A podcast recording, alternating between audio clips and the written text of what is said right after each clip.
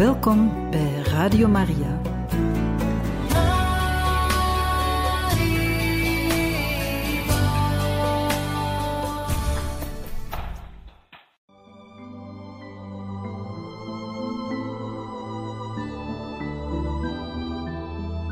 U luistert naar A Christmas Carol, geschreven door Charles Dickens en u verteld door Luc Klaes.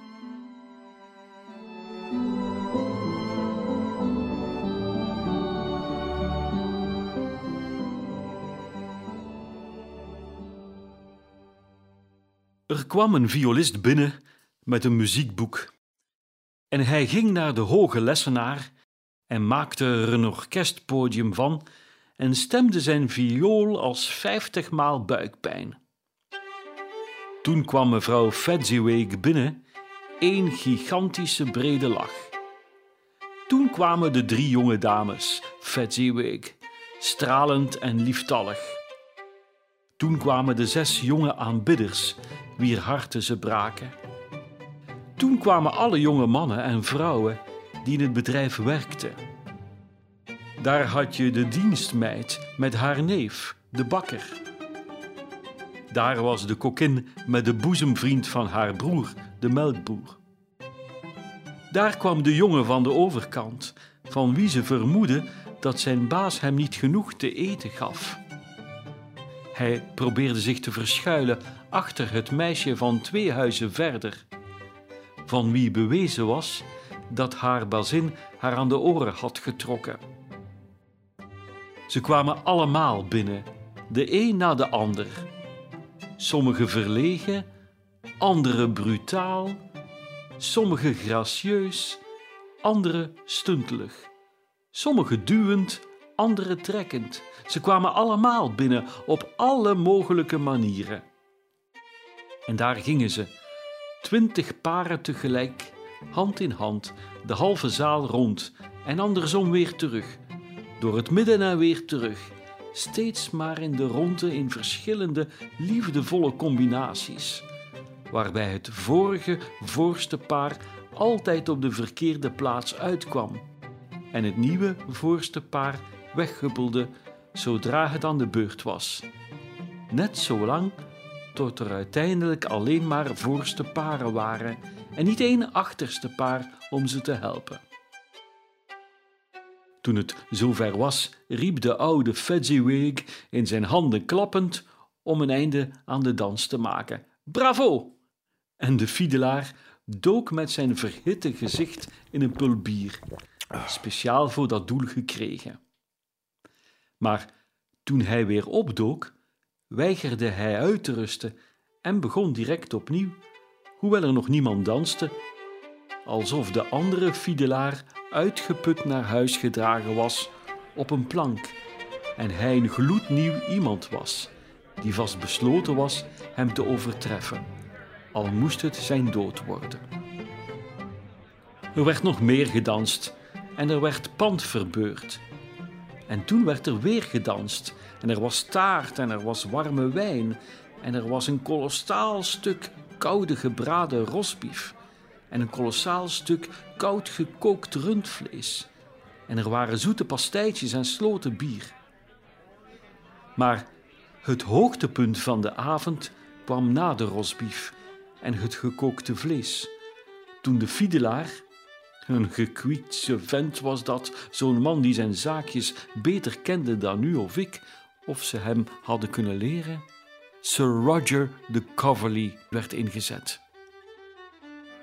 Toen kwam de oude Fezziwig naar voren om met mevrouw Fezziwig te dansen. Als voorste paar bovendien, met een stevige karwei voor de boeg. Drie of 24 paren. Mensen waar niet mee te spotten viel. Mensen die vast besloten waren om te dansen en niet van plan waren rustig aan te doen. Maar al waren het er twee keer zoveel geweest, ja vier keer zoveel, de oude Fezziwig had ze aangekund. En mevrouw Fezziwig ook. Wat haar betreft, zij was het waard zijn partner te zijn, in iedere betekenis van het woord. als dat geen hoge lof is, moet u me maar vertellen wat nog hogere lof is. Dan zal ik dat zeggen. Het leek alsof Fezziwig's kuiten licht uitstraalden. Ze glommen als manen tijdens iedere onderdeel van de dans. Je had op geen enkel moment kunnen vertellen wat ze nu weer gingen doen. En toen de oude Fezziwig en mevrouw Fezziwig de hele dans hadden uitgevoerd, vooruit en achteruit, hand in hand met je partner, buigen en kniksen, de kurkentrekker, kruip door, sluip door en weer terug op je plaats. Toen maakte Fezziwig een kuitenflikker. Zo behendig dat het leek alsof hij knipoogde met zijn benen en kwam zonder wankelen weer op zijn voeten terecht. Toen de klok elf uur sloeg, was dit huiselijk dansfestijn afgelopen. De heer en mevrouw Fezziwig namen hun plaatsen in aan weerszijden van de deur en schudden iedereen afzonderlijk de hand toen hij of zij wegging en wenste hem of haar een vrolijk kerstfeest toe. Nadat iedereen was vertrokken, behalve de twee leerjongens, deden ze bij hen hetzelfde. En zo stierven de vrolijke stemmen weg. En de jongens konden naar bed. Dat was onder een toonbak in de achterwinkel. Scrooge had zich al die tijd gedragen als iemand die gek geworden was. Hij was met hart en ziel bij het schouwspel en bij zijn vroegere ik. Hij bevestigde alles, herinnerde zich alles, genoot van alles en was vreemd opgewonden. Pas nu de vrolijke gezichten van Dick en hemzelf van hen afwendde, dacht hij weer aan de geest en werd zich ervan bewust dat deze hem recht aankeek, terwijl het licht op zijn hoofd heel helder brandde. Wat makkelijk, zei de geest, om die malle mensen zo dankbaar te maken. Makkelijk, zei Scrooge hem na. De geest beduidde hem dat hij moest luisteren naar de twee leerlingen, die voluit de lof zongen van Fezziwig. En toen hij dat had gedaan, zei hij: Ja, dat is toch zo. Hij heeft er maar een paar pond van jullie mensengeld aan uitgegeven. Drie of vier pond misschien. Is dat genoeg om zoveel lof te verdienen? Daar gaat het niet om, zei Scrooge, opgewonden door deze opmerking en onbewust sprekend als zijn vroegere, niet zijn huidige ik. Daar gaat het niet om, geest. Het ligt in zijn macht ons gelukkig of ongelukkig te maken, ons werk licht of zwaar te maken, een genoegen of een inspanning. Zeg dat zijn macht is gelegen in woorden en blikken, in kleine, onbetekende dingen die je niet bij elkaar kunt optellen. Wat dan nog? Het geluk dat hij schenkt is zo groot alsof het een fortuin had gekost. Hij voelde dat de geest naar hem keek en zweeg. Wat is er? vroeg de geest. Niets bijzonders, zei Scrooge. Maar toch iets, hield de geest aan. Nee, zei Scrooge, nee.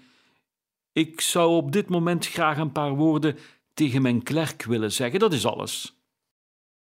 Zijn vroegere ik draaide de lampen laag terwijl hij dit verlangen uitsprak. En Scrooge en de geest stonden weer buiten, zij aan zij. Ik heb niet veel tijd meer, merkte de geest op. Vlug! Dit zei hij niet tegen Scrooge of tegen wie ook, voor zover hij kon zien, maar het had onmiddellijk resultaat. Want Scrooge zag zichzelf nogmaals. Hij was nu ouder, een man in de kracht van zijn leven. Zijn gezicht had nog niet de harde, strenge trekken van later, maar het vertoonde al tekenen van zijn zorgen en vrekkigheid. In zijn oog lag een gretige, gulzige, rusteloze flikkering, die liet zien welke hartstocht wortel had geschoten en waar de schaduw van de groeiende boom zou vallen. Hij was niet alleen, maar zat naast een mooi meisje, gekleed in een rouwjapon en met tranen in haar ogen, die fonkelde in het licht dat de geest van voorbije kerstfeesten gaf. Het doet er weinig toe, zei ze zacht. Voor jou heel weinig. Een andere afgod heeft mijn plaats ingenomen. En als die jou in de toekomst kan opvrolijken en troosten, zoals ik zou hebben geprobeerd, heb ik geen goede reden om treurig te zijn. Welke afgod heeft jouw plaats dan ingenomen? antwoordde hij. Een van goud. Dat is de onpartijdigheid van deze wereld, zei hij. Ze is voor niets zo hard als voor armoede, en er is niets dat ze pretenteert zo streng te veroordelen als het streven naar rijkdom. Je bent te bang voor de wereld, antwoordde ze mild. Al je andere verwachtingen zijn weggesmolten in de hoop om buiten het bereik te blijven van haar misselijke afkeuring. Ik heb je edeler ambities één voor één zien verdwijnen, totdat de alles overheersende hartstocht, gewin, zich totaal meester van je heeft gemaakt. Dat is toch zo? Wat zou dat? antwoordde hij. Wat maakt het uit dat ik zoveel verstandiger ben geworden? Ten opzichte van jou ben ik niet veranderd. Ze schudde haar hoofd. Of wel? We hebben elkaar lang geleden ons ja-woord gegeven. We hebben dat gedaan toen we allebei arm waren en daar genoegen mee namen, totdat we onze positie in de wereld door noeste nijverheid zouden kunnen verbeteren. Jij bent veranderd. Toen we ons verloofden was je een ander mens. Ik was een jongen, zei hij ongeduldig. Je eigen gevoel zegt je dat je toen niet was toen je nu bent, antwoordde ze. Ik ben dat nog wel? Dat wat geluk beloofde toen we eensgezind waren, is vervuld van droefenis nu we uiteen zijn gegroeid. Hoe vaak en hoe diep ik hierover heb nagedacht, zal ik je niet vertellen. Het is genoeg dat ik het bedacht heb en je je vrijheid kan teruggeven. Heb ik daar ooit om gevraagd? Niet met zoveel woorden, nooit. Hoe dan? Door een veranderende natuur, een veranderde geest, een andere manier van leven met een andere hoop als levensdoel. In alles wat mijn liefde in jouw ogen waarde en verdienste gaf. Zeg eens, als er nooit iets tussen ons geweest was, zei het meisje, terwijl ze hem mild maar strak aankeek, zou je mij nu ook nog uitverkiezen en proberen te veroveren? Wel nee. Hij scheen tegen zijn wil toe te geven dat deze veronderstelling juist was, maar hij zei moeizaam: Gij denkt van niet? Ik zou er dolgraag anders over denken, antwoordde ze. Dat weet de hemel. Als ik een waarheid als deze heb ontdekt, weet ik hoe sterk en onweerstaanbaar die moet zijn. Maar als je vrij was, vandaag, morgen, gisteren, kan zelfs ik dan geloven dat je een meisje zonder bruidschat zou kiezen. Jij, die zelf in je vertrouwelijkheid met haar alles afweegt aan gewin. Of als je haar koos, als je één moment je belangrijkste principe ontrouw was, weet ik dan niet dat je er zeker spijt en berouw van zou krijgen? Dat weet ik wel. En ik ontsla je van je trouwbelofte, van Hanser harte uit liefde voor de man die je eens was. Hij wilde iets zeggen, maar ze sprak met afgewend hoofd verder.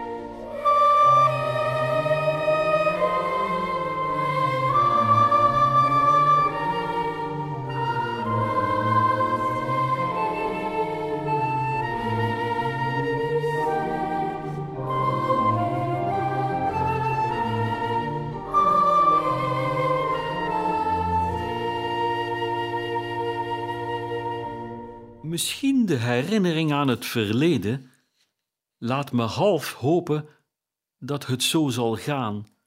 Zul je hier verdriet van hebben? Heel, heel kort maar. En dan zul je blij zijn dat je de herinnering eraan van je af kunt zetten als een onprofijtelijke droom waaruit je opgelucht bent ontwaakt. Ik wens je geluk in het leven dat je hebt verkozen. Ze ging weg en ze gingen uiteen. Geest, zei Scrooge, ik wil niets meer zien. Breng me naar huis. Waarom geniet u er zo van om me te kwellen? Nog één laatste schim, riep de geest uit. Nee, niet meer, riep Scrooge, niet meer. Ik wil het niet zien, laat me niets meer zien. Maar de meedogenloze geest knelde hem in zijn beide armen en dwong hem te kijken naar wat er vervolgens gebeurde. Ze bevonden zich in een andere situatie, een andere omgeving. Een kamer niet zo groot of mooi, maar door en door behagelijk. Bij het winterse vuur zat een mooi jong meisje, dat zo sprekend op het vorige leek dat Scrooge dacht dat zij het was, totdat hij haar zag, een knappe matrone nu, tegenover haar dochter gezeten. Het was een hels kabaal in de kamer, want er waren meer kinderen dan Scrooge in zijn opwinding kon tellen. En in tegenstelling tot de befaamde kudde uit het gedicht, waren dit niet veertig kinderen die zich gedroegen als één, maar gedroeg ieder kind zich alsof het er veertig waren.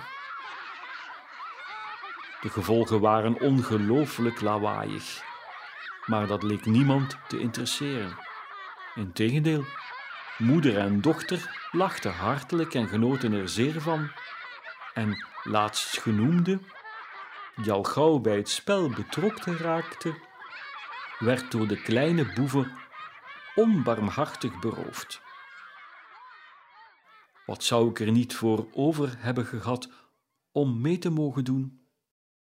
Hoewel ik nooit zo onbeschoft had kunnen zijn, nee, nee, ik zou voor geen goud dat gevlochten haar hebben geplet en losgetrokken, en dat schattige schoentje, dat zou ik haar niet hebben uitgetrokken. God, bewaar me, nee, al had ik er mijn leven mee kunnen redden. En voor de grap haar middeltje meten, zoals dat brutale kleine kroost deed, dat had ik nooit gekund. Ik zou verwacht hebben dat mijn arm er voor straf omheen zou groeien en nooit meer recht zou worden. En toch geef ik toe dat ik dolgraag haar lippen zou hebben beroerd, haar iets gevraagd zou hebben, zodat ze haar mond opendeed, naar de wimpers van haar neergeslagen ogen zou hebben gekeken, zonder een blos teweeg te brengen. Golven haar zou hebben losgemaakt, waarvan een lok van twee centimeter een aandenken van onschatbare waarde zou zijn. Kortom, ik geef eerlijk toe dat ik graag een zweem van kinderlijke vrijpostigheid had bezeten en tevens man genoeg had willen zijn om de waarde ervan te kennen. Maar nu klonk er een klop op de deur en er volgde meteen zo'n stormloop dat zij met dat lachend gezichtje en geplunderde kleren in het midden van een blozende, rumoerige bende werd meegedragen. Precies op tijd om de vader te begroeten die thuis kwam, in gezelschap van een man die bedolven was onder kerstspeelgoed en cadeautjes en het geschreeuw dat volgde en de oorsteling die ontstond en de woeste aanval die ze deden op de weerloze drager. Hoe ze tegen hem opklommen en stoelen als ladder gebruikten. Hoe ze in zijn zakken doken, hem beroofden van pakjes in bruin papier zich vastklampte aan zijn kravat, om zijn hals gingen en hem op zijn rug stompte en tegen zijn benen schopte uit onbedwingbare genegenheid. De kreten van verwondering en verrukking waarmee het uitpakken van ieder pak gepaard ging.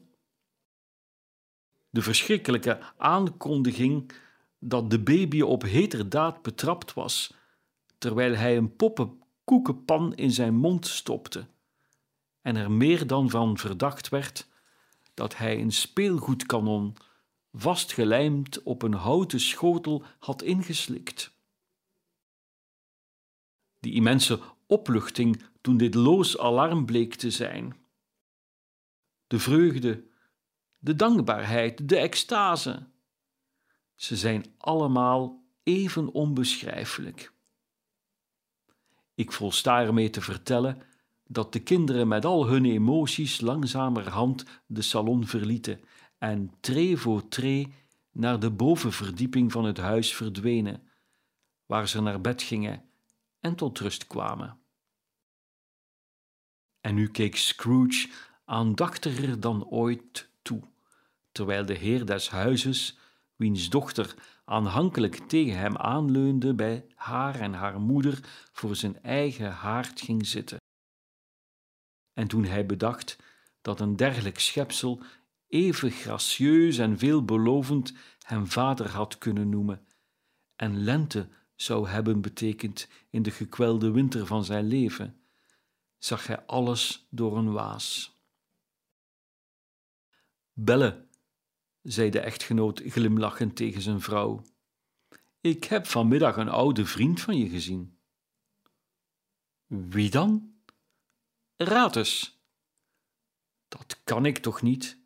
Jeetje, ik weet het niet, vervolgde ze in één adem door, met hem meelachend. Meneer Scrooge. Inderdaad, meneer Scrooge. Ik liep langs het raam van zijn kantoor en omdat de luiken niet dicht waren en er binnen nog een kaars brandde, moest ik hem wel zien. Zijn compagnon ligt op sterven, heb ik gehoord, en hij zat daar alleen moederziel alleen op de wereld, geloof ik. Geest, zei Scrooge met een gebroken stem, haal me hier weg. Ik heb u gezegd dat dit schimmen zijn van de dingen die geweest zijn, zei de geest. Dat ze zijn wat ze zijn, is mijn schuld niet. Haal me hier weg, riep Scrooge. Ik kan het niet verdragen. Hij draaide zich om naar de geest en toen hij zag dat deze hem aankeek met een gezicht waarin zich op een vreemde manier delen bevonden van alle gezichten die hij hem had laten zien, vocht hij met hem. Ga weg, breng me terug, kwel me niet meer. Tijdens de worsteling, als je van een worsteling kunt spreken, terwijl de geest zonder enig zichtbaar verweer zijnerzijds onberoerd bleef door iedere inspanning van zijn tegenstander, zag Scrooge dat diens licht hoog en fel brandde. En omdat hij dit vaag in verband bracht met zijn invloed op hem, greep hij de domper, viel naar hem uit en drukte hem op zijn hoofd. De geest bezweek eronder zodat de domper zijn hele gedaante bedekte. Maar hoewel Scrooge uit alle macht duwde, kon hij het licht dat er gestaag onder vandaan op de grond stroomde, niet doven. Hij besefte dat hij uitgeput was en door een onweerstaanbare slaperigheid werd overmand, en dat hij in zijn eigen slaapkamer stond. Hij kneep nog een laatste keer in de muts en op hetzelfde moment verslapte zijn hand. En hij had nauwelijks tijd om naar zijn bed te wankelen, voordat hij wegzonk in een heel diepe slaap.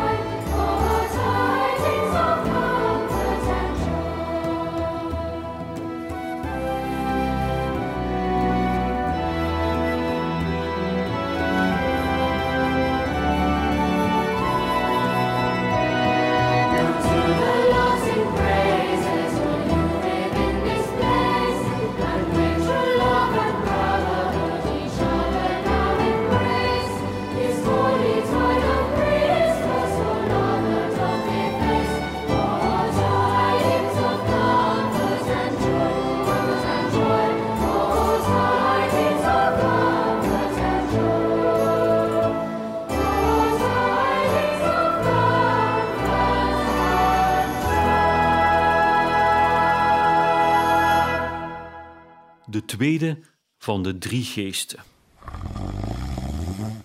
Toen hij midden in een buitensporig harde snurk ontwaakte en overeind ging zitten in zijn bed om zijn gedachten te verzamelen, hoefde Scrooge er niet aan herinnerd te worden dat de klok weer op het punt stond één te slaan. Hij had het gevoel dat hij net op tijd wakker was geworden om te confereren met de tweede boodschapper die hem door Jacob Marley's toedoen werd gezonden. Maar toen hij merkte dat hij het onaangenaam koud kreeg, en toen hij zich begon af te vragen welk bedgordijn dit nieuwe spook zou opentrekken, deed hij ze allemaal met zijn eigen handen open, ging weer liggen en hield de omgeving van het bed scherp in de gaten. Want hij wilde de geest op het moment van diens verschijning uitdagen. Hij wilde niet overrompeld en zenuwachtig gemaakt worden. Heren van het ongedwongen slag, die er prat op gaan dat ze van wanten weten en die meestal weten hoe de zaken ervoor staan, geven uitdrukking aan het brede scala van hun talent voor avontuur door te zeggen dat ze nergens van zouden opkijken, van kruis of munt gooien tot doodslag, tussen welke beide uitersten ongetwijfeld een tamelijk breed, veelomvattend scala van onderwerpen ligt. Zonder zoiets driest over Scrooge te willen beweren, durf ik u toch te vragen om van me aan te nemen dat hij voorbereid was op het zien van zeer uiteenlopende vreemde verschijningen, en dat niets tussen een zuigeling en een neushoorn hem bijzonder zou hebben verbaasd. Maar hoewel hij was voorbereid op bijna alles, was hij helemaal niet voorbereid op niets. Dus toen de klok één uur sloeg en er geen spook verscheen, begon hij hevig te beven. Er verstreken vijf minuten, tien minuten, een kwartier, maar er kwam niets. Al die tijd lag hij op zijn bed, in het middelpunt en hart van een stralend rood licht dat erop viel sinds de klok het hele uur had geslagen en dat, juist omdat het alleen maar licht was, angstaanjagender was dan tien geesten. Aangezien hij niet in staat was te bedenken wat de betekenis of de bedoeling ervan was. En soms vreesde hij dat hij op datzelfde moment een interessant geval van zelfontbranding was, zonder de troost te genieten dat hij dit zelf wist.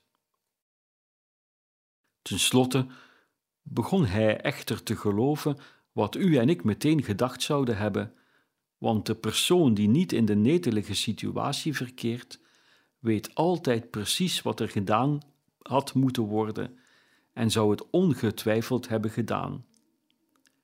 Ten slotte, zeg ik, begon hij te geloven dat de bron en het geheim van dit spookachtig licht misschien in de kamer ernaast lagen, waar het bij nader inzien vandaan leek te komen. Toen zijn geest volledig van deze gedachte doordrongen was, stond hij zachtjes op en schuifelde op zijn pantoffels naar de deur. Op hetzelfde moment dat Scrooge's hand op de deurknop lag, zei een onbekende stem zijn naam en verzocht hem binnen te komen. Hij gehoorzaamde. Het was zijn eigen kamer, daar bestond geen twijfel over. Maar deze had een verrassende transformatie ondergaan. De muren en het plafond waren behangen met levend groen, zodat het een bos leek waar overal kleurige, glimmende bessen glinsterden. Verse blaadjes van hulst, maren en klimop weerkaatsten het licht alsof er talloze kleine spiegeltjes waren uitgestrooid. En in de schoorsteen brulde een reusachtig vuur, zoals die saaie dode haard nimmer gekend had in Scrooge's tijd en in Marley's tijd en in vele, vele winters in het verleden. Opgestapeld op de vloer in de vorm van een soort troon lagen kalkoenen ganzen, wild gevogelte, zure zult, kolossale stukken gebraad, speenvarkens, lange slierte worstjes, zoete pastijtjes, plumpuddingen, vaatjes oesters, rood gloeiende kastanjes, appels met kersrode wangetjes, sappige sinaasappels, verrukkelijke peren, gigantische drie koningen koeken en kokend hete komme punch, wier heerlijke damp de kamer vulde. Op deze bank zat een vrolijke reus, lui uitgezakt en schitterend om te zien, die een brandende toorts omhoog hield, die wat vorm betreft wel wat op een hoorn des overvloeds leek, om ze licht op Scrooge te werpen, terwijl deze om de hoek van de deur gluurde. Kom binnen, riep de geest, kom binnen, man, maak kennis met me. Scrooge kwam bedeesd binnen en ging met hangend hoofd voor deze geest staan. Hij was niet meer de oude, koppige Scrooge, en hoewel de ogen van de geest helder en vriendelijk waren, keek hij hem niet aan. Ik ben de geest van dit kerstfeest, zei de geest. Kijk me aan. Scrooge gehoorzaamde eerbiedig. De geest was gekleed in een eenvoudig donkergroen gewaad of overkleed, afgezet met wit bont. Het kledingstuk hing zo ruim om zijn lijf dat zijn brede borst bloot was, alsof hij het beneden zich achtte kunstmatig bedekt of aan het oog ontrokken te worden. Zijn voeten, zichtbaar onder de ruime plooien van het kleed, waren eveneens bloot. En op zijn hoofd droeg hij alleen een hulstkrans, hier en daar met blinkende ijspegels bezet. Zijn donkerbruine krullen waren lang en weelderig, even royaal als zijn vriendelijk gezicht. Zijn fonkelend oog, zijn open hand, zijn vrolijke stem, zijn ongedwongen houding en zijn blijheid. Om zijn middel had hij een antieke schede gegord, maar er zat geen zwaard in, en de oude schede was verroest. U hebt nog nooit zo iemand als ik gezien? riep de geest uit. Nooit, antwoordde Scrooge.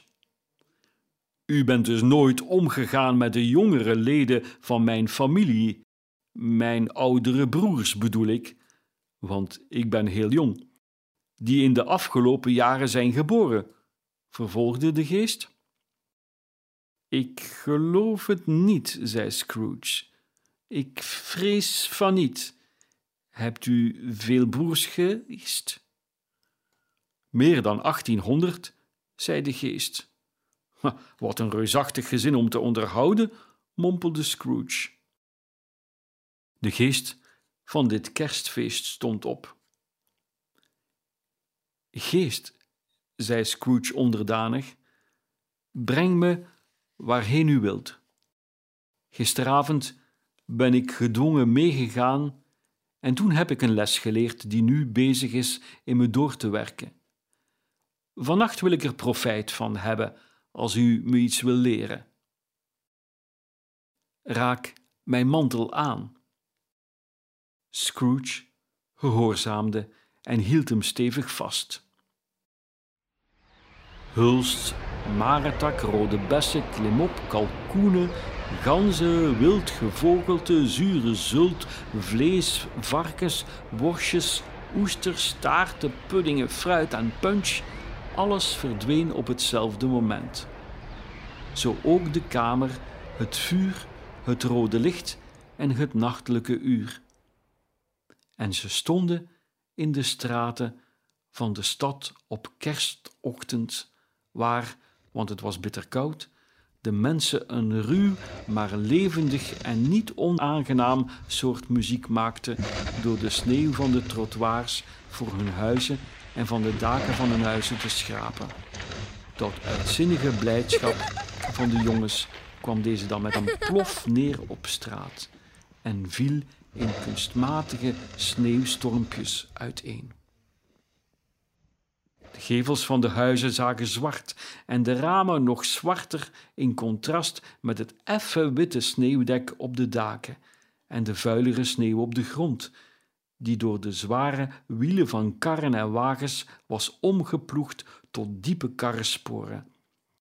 Sporen die elkaar honderden malen heen en terug doorkruisten, waar de hoofdstraten zich vertakten en die een ingewikkelde, moeilijk met het oog te volgen kanalen maakten in de dikke gele brei en het ijskoude water. De hemel was grauw en er hing een vuile mist in de korte straten, half nat, half bevroren, waarvan de zwaardere deeltjes in een regen van roetvlokken naar beneden kwamen, alsof alle schoorstenen van Groot-Brittannië hadden afgesproken om in brand te vliegen en naar hartelust stonden te fikken.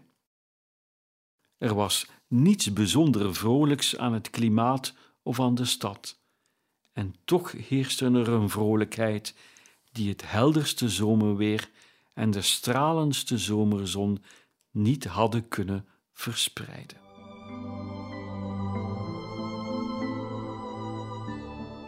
U luisterde naar Een Christmas Carol, geschreven door Charles Dickens en u gebracht door Luc Klaes.